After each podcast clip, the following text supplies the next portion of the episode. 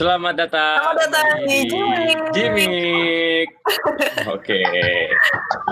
Kembali lagi di Jimik Oke. sama gua Aran G19 dan Dan gue Bintan Haya dari G19. Oke, jadi sekarang kita mau ngomongin apa nih, Be? Jadi hari ini kita bakal kedatangan eh, tamu-tamu istimewa eh, buat ngomongin salah satu acara Image yang paling spektakuler, kayak yang paling yang paling wow gitu. Nah, apa Aran nama acaranya? Gaum Bandung. Tepuk tangan dulu dong. Oke, di sini kita udah kedatangan dari pihak-pihak Gaum Bandung juga ya, Be.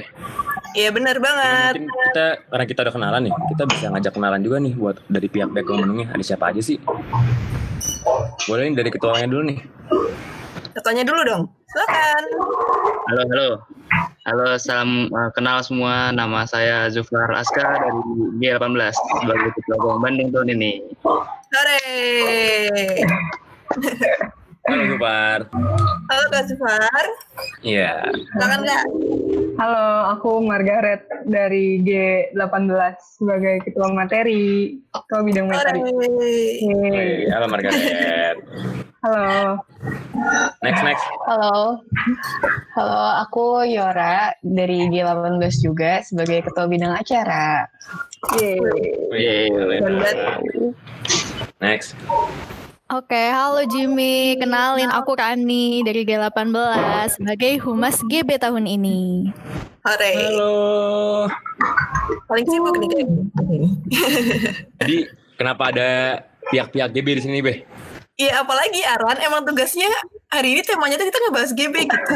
Gitu ya. Ini kita mengundang Mungkin kita sekarang ngebahas dulu nih dari GB-nya.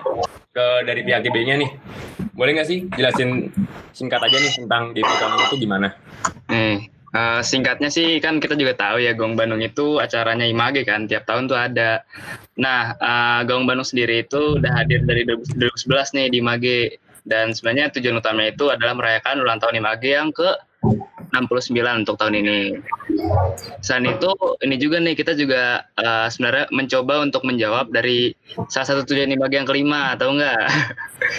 Yaitu eh, menmasyarakatkan arsitektur, gitu. Oh iya, Ih barusan Cara- gue baru nyuruh Aran buat ngejawab. Oh iya, ya. eh jawab Aran apa sih? ingat tuh pasti tujuan. Oke, Apa dong? Gimana tuh Ran? Jangan dikasih tahu di sini. Oke oke itu dia penjelasan singkat dari GB. Ada lagi nggak Jup? Ada sih kalau untuk eh, Gong Bandung itu sebenarnya kita ingin mencoba untuk mengangkat benang merah mengenai livable city gitu. Jadi tema yang diangkat tiap tahun itu ingin kan berbeda-beda tapi intinya ingin membawa kota yang nyaman untuk ditinggali ya sebagai kota livable city gitu. Kayaknya seru banget nih Be ya. GB tahun Iya ini ya. bang. Terus eh, kira-kira buat Gang Bandung ini tuh sebenarnya kan buat eh, orang luar juga nih. Apa sih sebenarnya yang pengen dicapai oleh Gang Bandung? inginnya dengan tema tahun ini yang ber, eh, bertema tentang isu placemaking itu kita ingin mengangkat kesadaran masyarakat nih Eh, bagaimana masyarakat itu bisa ikut andil dalam membentuk suatu ruang publik. Nah dengan pendekatan placemaking itu intinya masyarakat tuh jadi eh, tahu gitu kalau ternyata secara mereka sendiri bisa ikut eh, berbenah atau ikut membentuk suatu ruang yang kosong itu menjadi suatu place atau tempat. Gitu. Menarik banget ya, kayak karena emang placemaking itu kayak nggak semua orang udah tahu gitu kan sebenarnya. Nah, eh, kalau dari rangkaian kegiatan Gang Bandung nih, kira-kira apa aja nih kak eh, rangkaian kegiatannya? Jadi awalnya tuh kita ada ada sumber inspirasi gitu. Jadi ada ada kita pas nyari-nyari nih, aduh gimana ya nama nama acaranya nih enaknya gimana. Terus tiba-tiba nggak tiba-tiba sih dari hasil pencarian kita kita nemu nih ada ada diagram 5 E's of Inquiry Based Learning. Jadi itu tuh kayak lima apa ya siklus buat uh, student buat belajar gitu. Jadi si 5 E's ini isinya ada engage, explore, explain, elaborate, sama evaluate. Nah dari 5 E's ini kita coba apa ya kita coba adaptasi nih ke bentukan-bentukan acara kita karena kalau dilihat-lihat em, bentukan acara kita tuh kayak siklus juga gitu, siklus kita buat belajar gitu. Nah iya, terus eh, jadi dari Five Is ini kita coba turunin nih ke dalam empat bentukan acara kita nih. Gimana Yor? Apa nih? Ada empat tahap acara nih sebenarnya. Jadi yang tuh? pertama tuh dari engage tuh ada titik lahir dan namanya tuh Telah Bandung. Kenapa sih namanya Telah Bandung tuh karena di titik ini sebenarnya kita kayak mau ngomongin tentang realita kota Bandung, makanya namanya Telah Bandung gitu. Hmm. Nah, terus isi Telah Bandung nih ada ada dua. Pertama tuh namanya titik lahir kan, Telah Bandung, Iya. karena kita mau ngomongin realita kota Bandung. Nah, gimana sih caranya ngomongin uh, si realita kota Bandung ini? Yang pertama tuh kita ada namanya jelajah virtual. Jelajah virtual tuh apa? Kita tuh mau jalan-jalan nih sebenarnya uh, kota Bandung. Pada kangen gak sih sama Bandung? Kangen Banget ya. sih. Kangen banget parah. Online, belajar online. jalan-jalan online nih sih jelajah virtual. Terus yang kedua kita mau ada ngomongin Bandung, ya. ngomongin Bandung namanya Bincang Bandung, Yeay. Yeay. Terus terus yang kedua nih Tahap kedua. Ada ada namanya bicaranya perlu nggak Yor? pembicaranya siapa Turan? Ya Udah ini Bukan kayak pidana dikasih tahu nih ya Jimik pertama kali dikasih tahu. Iya. Bicara Spesial banget nih Jimit. spesial banget nih Jimik. Jimit, Jimit. Yeay, pembicara dari jelajah virtual itu jadi salah satu biro di di Bandung eh, yang paling sering eh, ngerancang taman tematik di Bandung. Coba kira-kira penasaran pada udah tahu belum kira-kira siapa? Iya. Dulu aja Coba tebak-tebak Eh, tebak. biro biro arsitek yang di Bandung yang terkenal gitulah, yang ngejain urban space gitu. Rano. Contohnya gini, oh iya bener. Contohnya kayak bikin Kunci Cendo, micro library, kira-kira siapa tuh? Apa tuh kak? Jawab. Apa ya? Benar banget. Tadi siapa yang jawab ya? Syau. Nah, oke. jadi dari Gong Bandung kami mengundang eh, CEO-nya Syau, yaitu Pak Florian dan Bu Daliana. Tuh. Weh. Malah keren banget. Suaranya Iya, kayak jadi- sayang banget kan ke kelewatan. Iya sayang banget kalau kelewatan dan ini juga gratis, sumpah gratis dan kalau misalnya kalian perlu ada eh, sertifikat, memang agak berbayar tapi beneran affordable lah, nggak mahal-mahal amat, pokoknya di bawah 100 ribu. Ikut gak sih? Ikut. Benar. Harus Worth it banget sih, worth it. Tuh, harusnya. Harus banget. Rangkaiannya banyak soalnya panjang. Kapan lagi? Kalau nggak datang. Yoi. Iya sayang Apalagi banget kalau ngelewatin. Karena kayak bakal keren banget kayak kalian tuh bakal kayak secara virtual tuh ngeliatin taman kan biasanya ini sekarang PSBB nih. Mana boleh sih keluar rumah atau kayak mager lah udah, udah di rumah udah terlalu PW gitu. Gimana kalau misalnya kita ngeliat lewat layar aja gitu. Apalagi dijelasin sama Bener banget. sama pembicaranya, sama orang yang apa yang ngerjainnya, yang ngerancangnya itu kayak top banget lah. Yang pastinya keren banget lah ya. Yo, Iya, bener Oke. banget. Itu berarti itu berarti tadi tahap kedua ya? Iya, ini masih tahap pertama nih yang tadi. Masih pertama. Yang kedua, mm, masih pertama. dari pertama aja udah seru banget Udah- udah nggak seru sih? banget ya. Oke. Apalagi lanjutannya nih nanti, ya kan? Gimana? Coba gimana tuh kak? Bikin ekspektasi. Nah, yang kedua nih di people explore, explain, and elaborate itu ada titik gerak inovasi karya. Jadi titik gerak nih soalnya pas kita tuh udah belajar gitu kan di tahap sebelumnya. Sekarang kita tuh gimana caranya kita menerapkan apa yang udah kita pelajarin gitu di inovasi karya. Ada sayembara arsitektur sama fotografi ya nggak? Oh, ada barangnya juga kak? Ada dong. Nah, Serius nih, serius. uniknya nih sayembaranya bukan anak arsi aja nggak sih yang boleh ikut? Bener. Sayembaranya ada ada sayembara arsitektur. Nah ini tapi walaupun namanya sayembara arsitektur yang boleh ikut bukan cuma anak arsi aja. Jadi anak DP, anak interior, anak sipil juga bahkan boleh kok. Anak mesin kalau mau ikut juga boleh. gitu.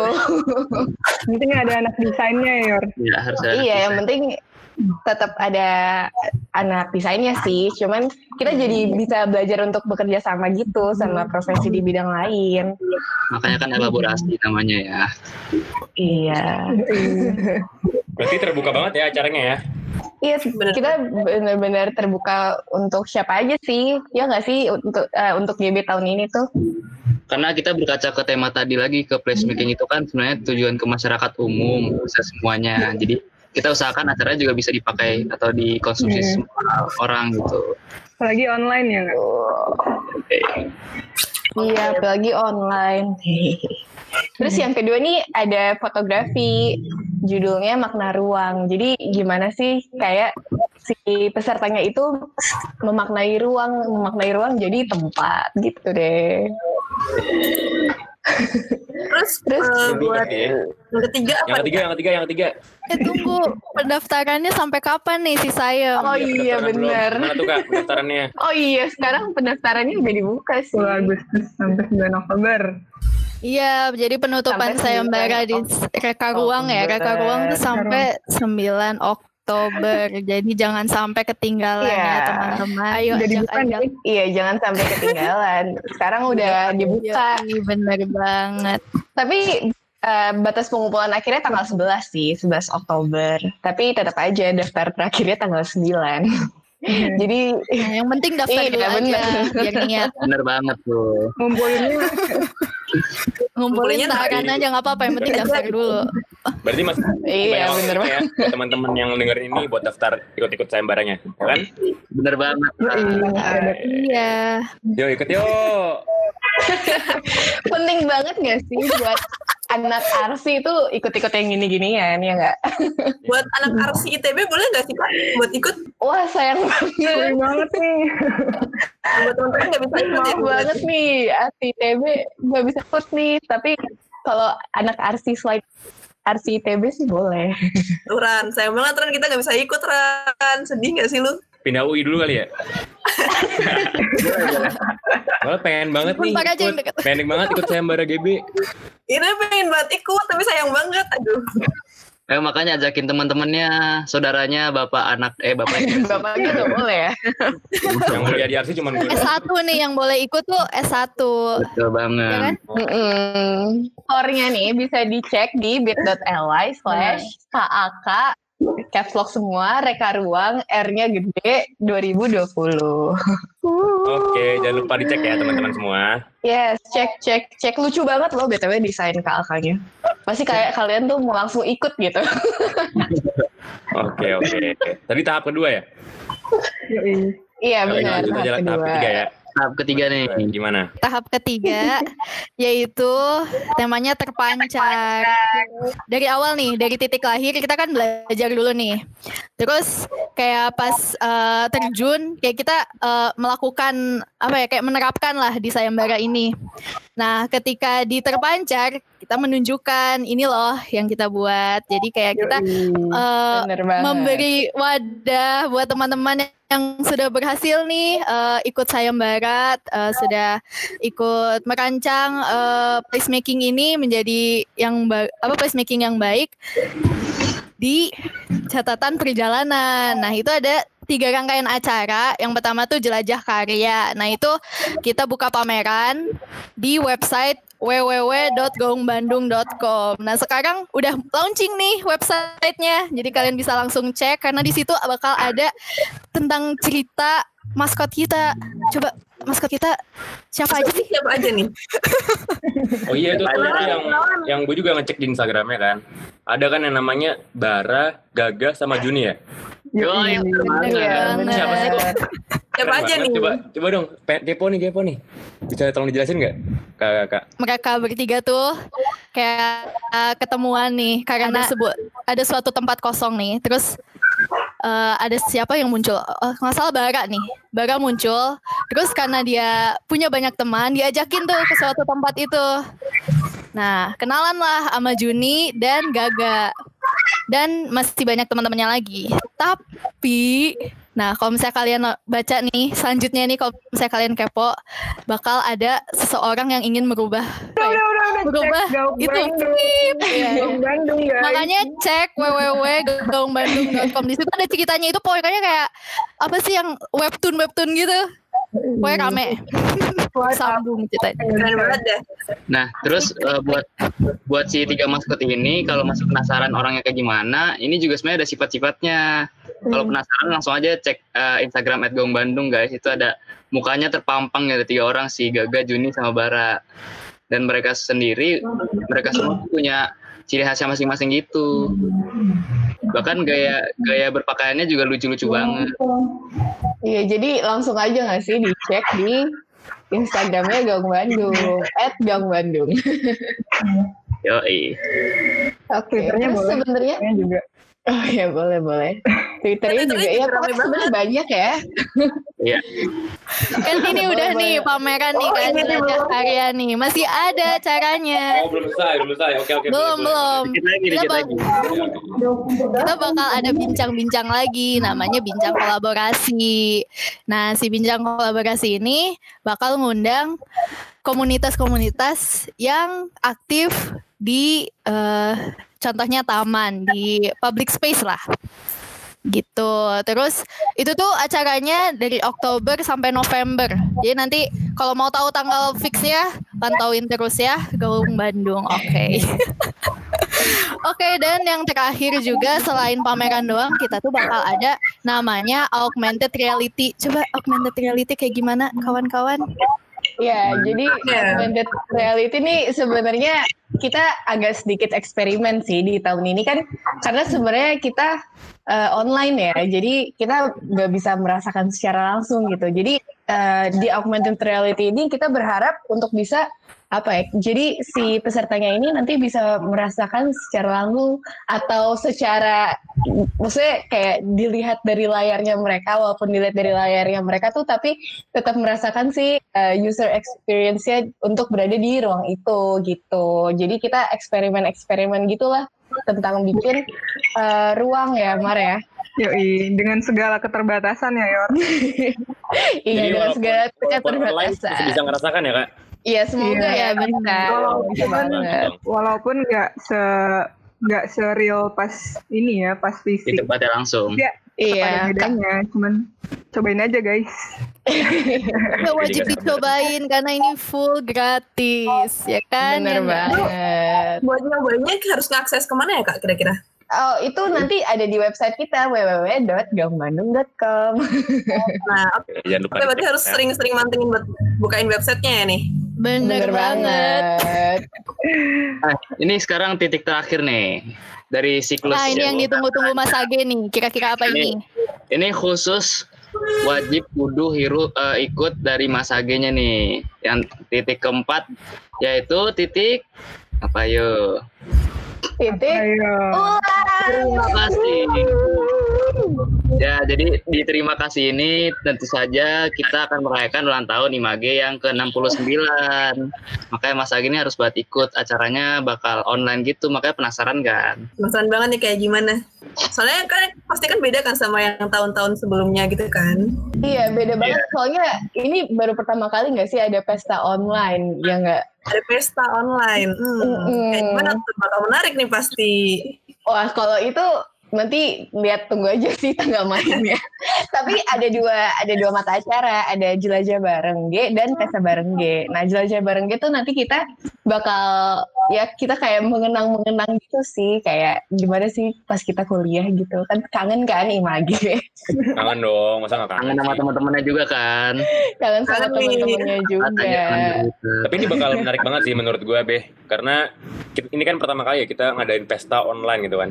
Di mana-mana pesta Iya kan? kan, ya sih? Beda banget sama tahun-tahun sebelumnya. Tahun-tahun Jadi sebelumnya kan bakal- kita lebih kayak pesta pentas gitu kan. Iya bener banget, dan bakal penasaran banget sih. Bener pastinya. banget. Ya nggak sih? Ya gue penasaran banget jujur nih. Nah terus apa lagi nih Bener kan? banget, bener banget. Nanti bakal Nah, ada tempatnya udah. challenge challenge juga sih. Jadi untuk Mas Age ditunggu aja challenge-nya.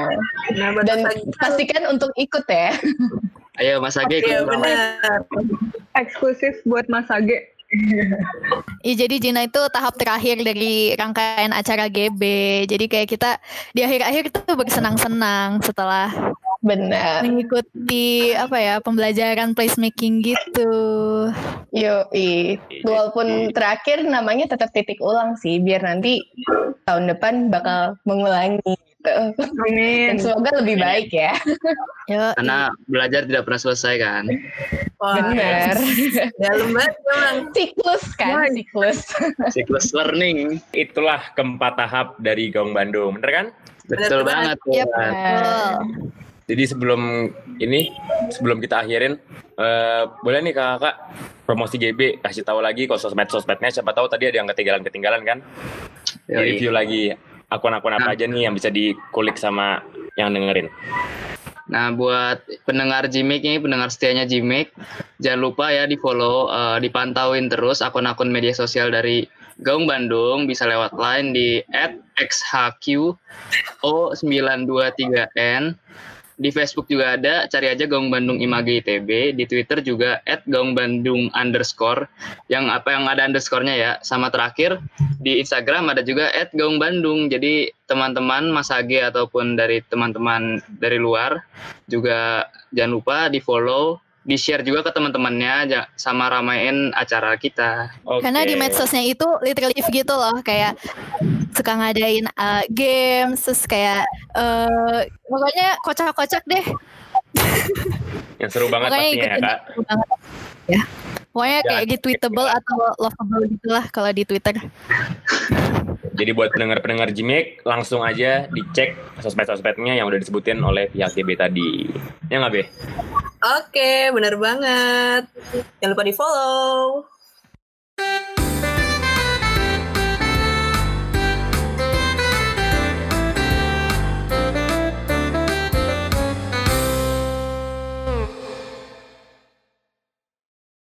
Oke, itu dulu mungkin ya dari pihak GB ya. Sekarang kita lanjut lagi Be. Selama ini kita kan sebagai anak arsi eh, atau mungkin jurusan lain sih, pasti kan ada yang namanya stereotype. Bener gak sih Ran? Betul banget. Kira-kira nih, kita pengen tahu dong eh, stereotype anak jurusan lain ke anak arsi itu kayak gimana? Lu pernah lu pernah penasaran gak sih Ran? Penasaran sih kadang-kadang kayak kita kan sering ketemunya tuh tiap hari sama anak-anak arsi gitu kan. Kita nggak pernah ketemu sama orang luar dan ya namanya di kuliah di arsi itu kan kayak ketemunya lu lagi, lu lagi, lu lagi, lu lagi gitu. Ya masih. Iya bener banget, sampai gue bosan gitu ketemu sama lu mulu ya kan? Iya. Nah, sekarang nih eh, kita ada eh, kayak spesial gitu Ran. Apa nih Ran? Jadi, Jadi kita bakal akan ber- mendengarkan pendapat-pendapat mendengarkan apa nih? pendapat-pendapat dari orang luar arsi.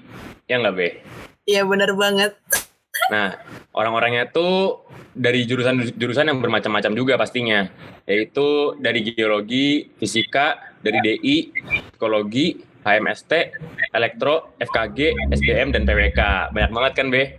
Iya bener banget. Ini kayak bener-bener jurusan yang kita jarang banget berinteraksi nggak sih? Kayak ya sebenarnya nggak jarang-jarang banget sih. Cuma karena emang kesibukan kita jadi jarang ketemu gitu sama mereka. Makanya, jadi kayaknya kita bakal penasaran banget sih, mereka bakal ngomongin apa tentang anak arsi gitu. Dan kita kita harus ini nih, koreksi nih, bener apa nggak di pendapat mereka gitu, Be? ya? Iya bener banget. Yuk, Oke, cus kita langsung kita dengerin. dengerin aja nih. Anak arsi itu orang-orang yang artistik, susah tidur dan susah cari waktu tidur, kuncen ITB, sama pemikirannya sangat rumit, serumit desainnya. matanya tuh kayak ngantuk-ngantuk, item-item gitu. Terus kalau misalnya lihat kamar kosannya atau kamar apartemennya itu pasti berantakan sama maket atau nggak tahu kertas-kertas atau penggaris gitu.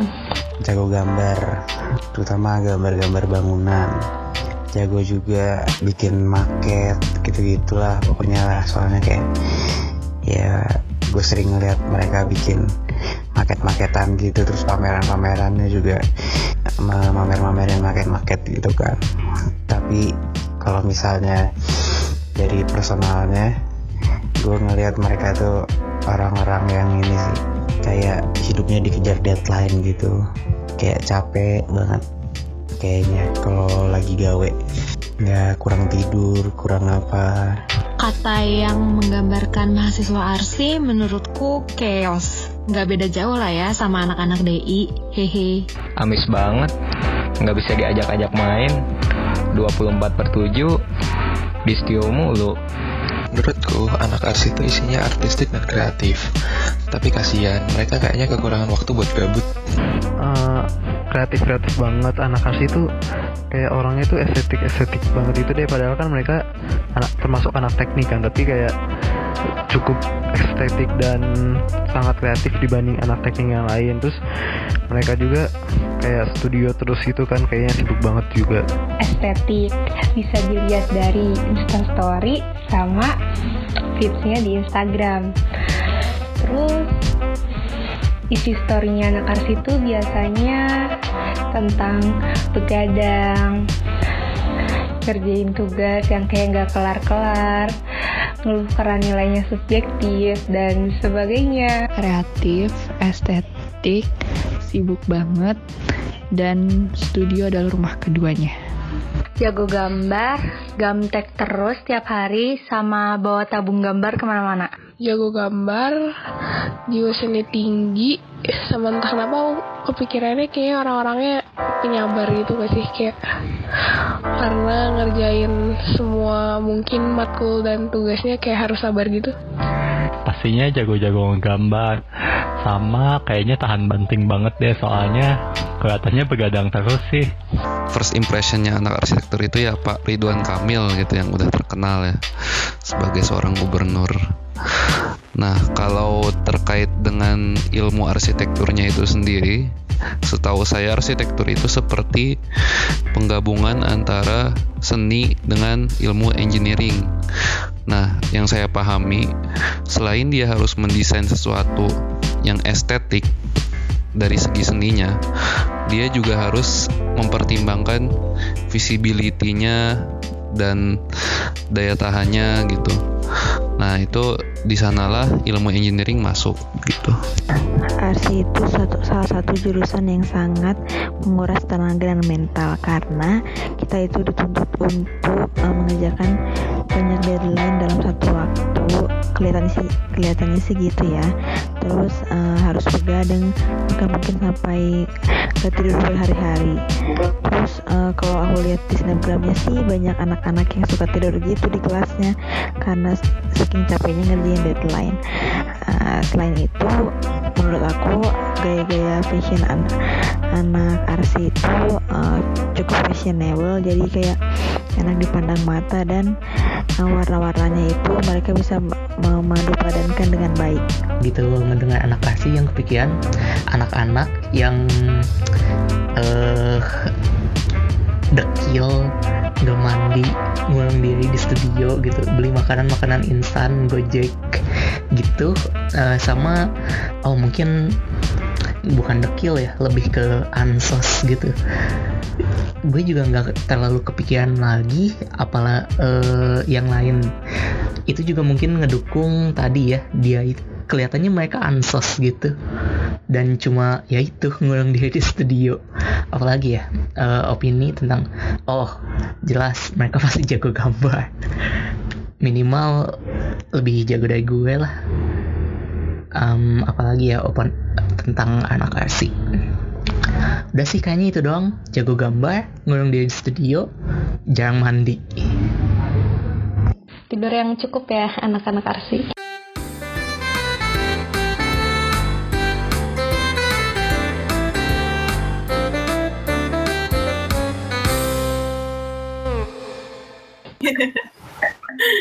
Oke, itu dia pendapat-pendapat dari jurusan lain terhadap jurusan arsi. Gimana Be? Menurut lu Be? Bener nggak tuh Be?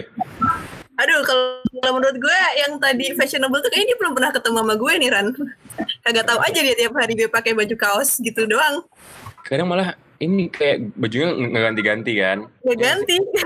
Malah sebenarnya lebih lebih setuju sama yang tadi ada yang bilang dekil ya. Itu bener banget sih. itu lebih bener sih menurut gue. temen gue tuh temen gue si Isa ada dia nggak dia nggak mandi lima hari buat ngerjain pengumpulan terus setelah setelah pengumpulan terus setelah pengumpulan dia langsung jalan sama teman-temannya satu angkatan cowok-cowok ke ciater berendam air panas terus lu terus lu bayangin nggak lu bayangin nggak dia yang udah nggak mandi terus satu satu satu bathtub sama teman-teman yang udah mandi itu Iya. Ini buat orang-orang yang pernah eh, mandi sama Isa. Pokoknya dekil bener sih, dekil bener sih. Iya, chaos juga benar. Apalagi Be, ada nggak tadi yang kita dengerin tapi nggak bener ada nggak? Kalau jago gambar sih sepertinya kayak gambar gua dia tuh. standar. Enggak juga. Oh, maksud gue, dia belum lihat gambar gua Be. Ya dia belum pernah lihat gambar gue sih. Gambar gua tuh full tracing sih. Gua nggak gua nggak jago gambar, gua nggak bisa sketsa juga. Pokoknya kalau ada tugas sketsa-sketsa, gua fix tracing. Pasti. Jago tracing ya kak Jago lebih tracing, tepatnya. Bener gak sih? Benar, bener banget. Oke, kayaknya itu aja dari pendapat-pendapat orang luar. Sekarang ada apa nih, Be? Eh, sekarang kita mau dengerin ini apa namanya salah satu kita sebagai anak arsi itu pasti kan sering kan kayak ada cerita-cerita yang mistis-mistis itu di gedung arsi kan karena ini emang gedungnya udah tua jadi mungkin emang banyak penunggunya gitu tapi bukan cuma arsi sih kayak satu itb emang udah sering ada cerita-cerita horor gitu kan nah pasti kalian penasaran dong ada cerita apa nih yang bakal kita ceritain di sini kira-kira gimana Ran? Iya bener banget, apalagi kan sering banget anak arsi kan nginap di studio lah, ya kan? Jadi Iya, sering banget menghabiskan malam-malam hari itu di studio, di Studio. kampus. Jadi pastinya banyak banget cerita-cerita kan. Beda loh, di studio siang hari sama malam hari itu beda banget. Iya bener banget. Makanya coba kita langsung, kita coba bacain Langsung aja aja nih kan. Kita coba bacain cerita horor dari Oh namanya nggak disebutin. Namanya Asyap dari G18. Siap ya. Jadi dia 18. Jadi ceritanya apa nih Be? Ceritanya dia bilang gini. Jadi kalau di sekre itu kan suka ada cerita-cerita horor gitu. Nah pas lagi gawe dia mau cerita nih salah satu kejadian horor yang dialamin di sekre. Oh dia gawenya di sekre bukan di studio Be. Di sekre. Jadi Di sekre lagi. ya Imagi. Jadi waktu gua gawe sendirian di sekre, gua pernah ada suara ngetik-ngetik gitu. Padahal yang di sekre cuman sendirian gitu. Wah, parah banget sih. Terus Lumayan. suaranya ya. Terus suaranya kedengaran jelas banget kayak ada orang di dalam. Terus pernah juga pas di sekre luar ada suara ketikan gitu dan deket banget suaranya kayak persis di sebelah. Padahal pas nggak ada orang samsak ini di caps sama dia ya. Terus pas dikira salah dengar atau apa ternyata saya dan satu masa G17 pernah ngalamin hal ini juga. Oh berarti bukan dia doang nih yang ngalamin nih. Setelah diusut-usut ternyata suara ngetik-ngetik itu cuman suara ngetik-ngetik bekas hujan dari kanopi sekre yang bocor. Lah ini mah bukan cerita horor. Ya bukan cerita horor, astaga. Gue udah nunggu-nunggu klimaksnya di mana. Astagfirullah. Terus suaranya sama iramanya persis banget gitu. Hehe, jadi Sebel banget. seru ya. Tapi lu pernah gak, Be? Ada cerita-cerita horor gitu? Kalau gue sih cerita horor gue paling ya gitu. Jamin satu pengumpulan, gambar gue belum di-render. Udah gitu doang. Itu bukan horor. Itu malunya ya. Tapi kalau gue pernah sih, Be. Gue pernah ngalamin kayak Apaan tuh? ada rada horor gitu sih. Jadi waktu itu kan pas lagi ada penjenjangan dan base camp kita, base camp angkatan kita tuh adanya di di lantai enam. Lantai kan? enam. Ya Ah, benar. Terus di eh, di mana kalau misalnya waktu itu tuh kalau turun ke lantai bawah tuh nggak boleh lewat jalan utama kan, mesti lewat tangga Harus lewat belakang. tangga. Iya yang yang gelap itu Iya, kan. Iya, gelap, gelap banget kan. Terus pokoknya di situ gue denger suara orang lagi geser-geser meja gitu loh, kayak ramai banget, trok, trok, trok gitu, be. Itu bener-bener serem banget sih. Terus gue sama teman-teman gue langsung buru-buru ke bawah dan buru-buru ninggalin gedung arsi. Pokoknya itu serem banget deh. Beda banget kalau gedung arsi malam-malam sama siang-siang tuh beda banget. Pokoknya malam-malam tuh horor banget. Terus emang eh, kalau kita kemarin waktu sempat wawancara sama eh, kakak-kakak yang dari Image itu kan emang mereka udah banyak banget cerita-cerita horor gitu kan Ran. Yang kursi geser, yang ya begitulah. Banyak banget. Gimana nih Ran? Ini buat buat kakak KB ada nggak nih cerita-cerita tentang horor-horor gitu? Ya mungkin pernah mengalami gitu pas nginep di studio atau gimana? Kalau kalau gue sih pernah ya yang cerita tadi, cerita yang yang BH pernah bilang apa yang geser-geser itu gue pernah ngerasain langsung. Jadi waktu itu gue lagi mau ngerjain ini kan SKB kan, kan kelompok berdua gitu bertiga lah. Terus waktu itu gue ngerjain di studio lantai 5 tuh. Gue bawa maketnya terus udah udah kelar udah udah mau kelar terus gue gue pokoknya waktu itu ke studio terus keluar studio tiba-tiba suaranya rame gitu di, di pojok-pojok jadi jadi itu gue valid sih cerita kayak gitu Berarti lu ngerasain langsung juga ya kayak gue juga ya. yo gedung lama lah ya Itu gedung lama juga kan. Wajar sih emang udah rame penunggunya. Itu dari Jupar. Dari yang lain ada nggak nih? Dari yang lain ada nih. Gue ada nih. Eh boleh boleh boleh. Aku ngalaminnya di Labcom. Jadi waktu itu Labcomnya lagi mati lampu gitu. Nah itu lagi pengumpulan SKB gue nggak salah. Nah itu kelompok aku tuh lagi di dalam Labcom kan. Terus emang gelap-gelapan sengaja di situ karena internetnya tuh lebih kenceng daripada di studio. Terus yaudah nih ngejain bareng. Terus eh, mulai nih ada suara kursi geser kan kayak sebelum-sebelumnya yang udah diceritain. Terus ini dari aku sendiri gitu kayak ngerasa nggak nyaman gitu kayak, woi kenapa sih berisik gitu. Gue beneran ngomong kayak gitu ke teman-teman. Terus teman-teman langsung kayak ya udah apa kayak nggak nge apa ya kayak nggak bilang ke aku gitu kayak cuma ya udah diemin aja gitu. Terus ya udah diemin terus di- berhenti tuh suaranya. Terus tiba-tiba makin keras lagi. Terus ya udah akhirnya sekelompok pindah ke studio deh gara-gara aku ngeyel itu.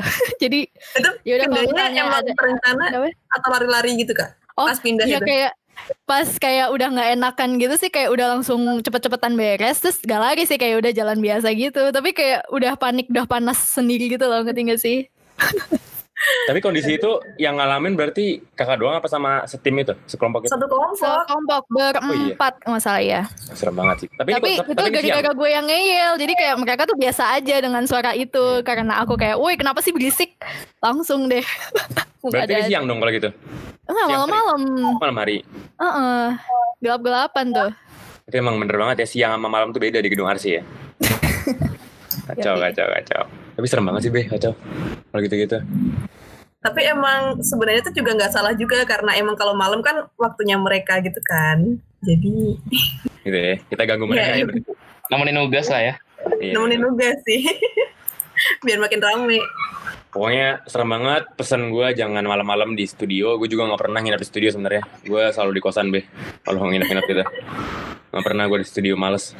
Kalau udah mau pengumpulan tuh biasanya udah akal sehatnya udah nggak kepake gitu kayak yaudah lu mau ngapain bodo amat yang penting gue besok pengumpulan gitu biasanya ya nggak sih Iya bener, malah kadang-kadang tuh gue pernah denger juga cerita-cerita kalau bahkan udah nggak peduli gitu sama suara-suara gitu yang penting tugas selesai gitu emang anak arsi itu tugas nomor satu ya kan data nomor dua ya nggak? Betul banget. Bener banget. Oke segitu dulu dari cerita horornya. Habis ini apa be? Habis ini kita dapat kiriman cerita eh, mengenai curhat melalui karya. Hmm apa nih? Hari apa tuh? Apa tuh? Langsung aja nih ya aku bacain. Boleh boleh. Eh, salah satu eh, kiriman dari teman kita yang namanya Zumi dari G19. Nah, di sini eh, Zumi itu mau bercerita mengenai proyek yang tengah dia jalani, yang tengah dia buat, yaitu video visualisasi puisi. Nah, disclaimer-nya di sini aku berbicara bukan sebagai yang lebih tahu atau lebih ahli, jadi koreksi aja ya kalau aku ada salah. Itu kata Zumi. Terus jadi video visualisasi puisi ini merupakan salah satu mimpi besarku dan beberapa tahun yang lalu dan alhamdulillah senang sekali bisa dapat kesempatan untuk coba ngebuat ini. Selain mimpi besar, video visualisasi puisi ini merupakan salah satu caraku untuk mengekspresikan diri maupun perasaan dan memberi ruang untuk diriku sendiri untuk tetap bernafas. Ini kayaknya puitis banget ya Ran ya? betul banget Zumi keren banget sih Nah terus aku ingin langsung bahas video yang terakhir aku buat aja ya karena menurutku relate banget nih sama kehidupan Arsi terutama buat aku pribadi. Judulnya eh, Know Your Own Play, eh, Know Pace. Your Own Pace. Ya kan? bahasa Inggrisnya nggak bener be ah Eh maaf banget nih lidahnya mulai lidah lokal, maaf Ran, aduh. Jadi nggak jadi syahdu nih, maaf ya, aduh, maaf demi. Nah ini adalah hasil kolaborasi aku dan Kak Adel G18. Puisi ini aku buat untuk membalas video visualisasi puisi pertamaku yang judulnya Why Everything Seems Always in a Rush. Yang juga terinspirasi dari kehidupan sebagai mahasiswa arsi. Nah sempat ngerasa kayak dikejar-kejar dan ngeliat semuanya serba cepat alias terburu-buru sampai bingung sendiri. Emang kenyataannya gitu nggak sih Ran kehidupan kita kalau udah mau deadline? iya bener banget di Dan ini relate banget sebenarnya. Nah, Know Your Own Pace yang juga terinspirasi dari tema Zin yang dibuat Kak Adele merupakan video self reminder kalau it's not a race. This life is not a race. Dari sini aku juga berharap orang yang nonton bisa ikut ingat kalau semua orang punya kesem- eh, punya kecepatan dan cara melangkahnya masing-masing. Kehidupan bukan selalu tentang kompetisi tetapi juga refleksi dan terus memperbaiki diri. Nah, segitu dulu ya. Terima kasih banyak Mas Tagis. Semoga selalu dalam keadaan sehat dan bahagia. Terima kasih Zumi. Gitu kata Zumi. Jadi keren banget ya. Eh, buat teman-teman yang mau eh, ngeliatin karya Zumi, mungkin bisa cek di IG-nya Zumi @zulafa Asmi. Di situ dia sering banget ngeposting kayak video-video gitu Ada buat di IGTV-nya ya. Iya di IGTV-nya. Jadi itu kayak video-video yang dia bikin tuh benar-benar bikin kita ngerasa kayak iya ya kenapa hidup kita kayak gini sebagai anak arsi bener juga gitu. Kayak itu adem banget kalau kita nonton videonya Zumi. Terus dia sering collab-collab gitu sama Mas Age yang lain. Bener kan Ran? Bener banget. Dengan niat Zumi ini ya, gue jadi ngerasa kalau gue tuh pas sudah masuk arsi itu udahlah nggak perlu ambis-ambis banget, nggak perlu ngejar-ngejar sampai capek-capek banget gitu loh. Jadi kita nggak usah ngejar. Jadi kayak menarik banget kata Zumi, know your own pace. Jadi semester ke depan gue pengen mencoba merubah diri gue jadi nggak usah kejar-kejaran lagi be gitu be Bener banget. Terus kayak emang kita udah semuanya tuh udah ada porsinya, udah ada waktunya masing-masing gitu kan. Iya, Kayak bener banget timing orang tuh beda-beda. Ini yang jangan pengen jangan banget lihat jangan sampai lihat orang lain lah Iya benar. Karena kalau ngeliat orang lain tuh nggak ada habisnya ya kan Ran? hmm, yang penting syukurin aja yang kita punya oke Iya bener banget. Mantap Aran. bijak banget ya bijak banget ya Eh bijak banget kita hari ini ya kan. Jarang-jarang loh ya kita berdua kayak gini. oke gitu aja dulu dari Jimmy kali ini ya nggak be Iya bener banget. oke sampai jumpa di Jimmy berikutnya Dadah, terima kasih. Jimmy,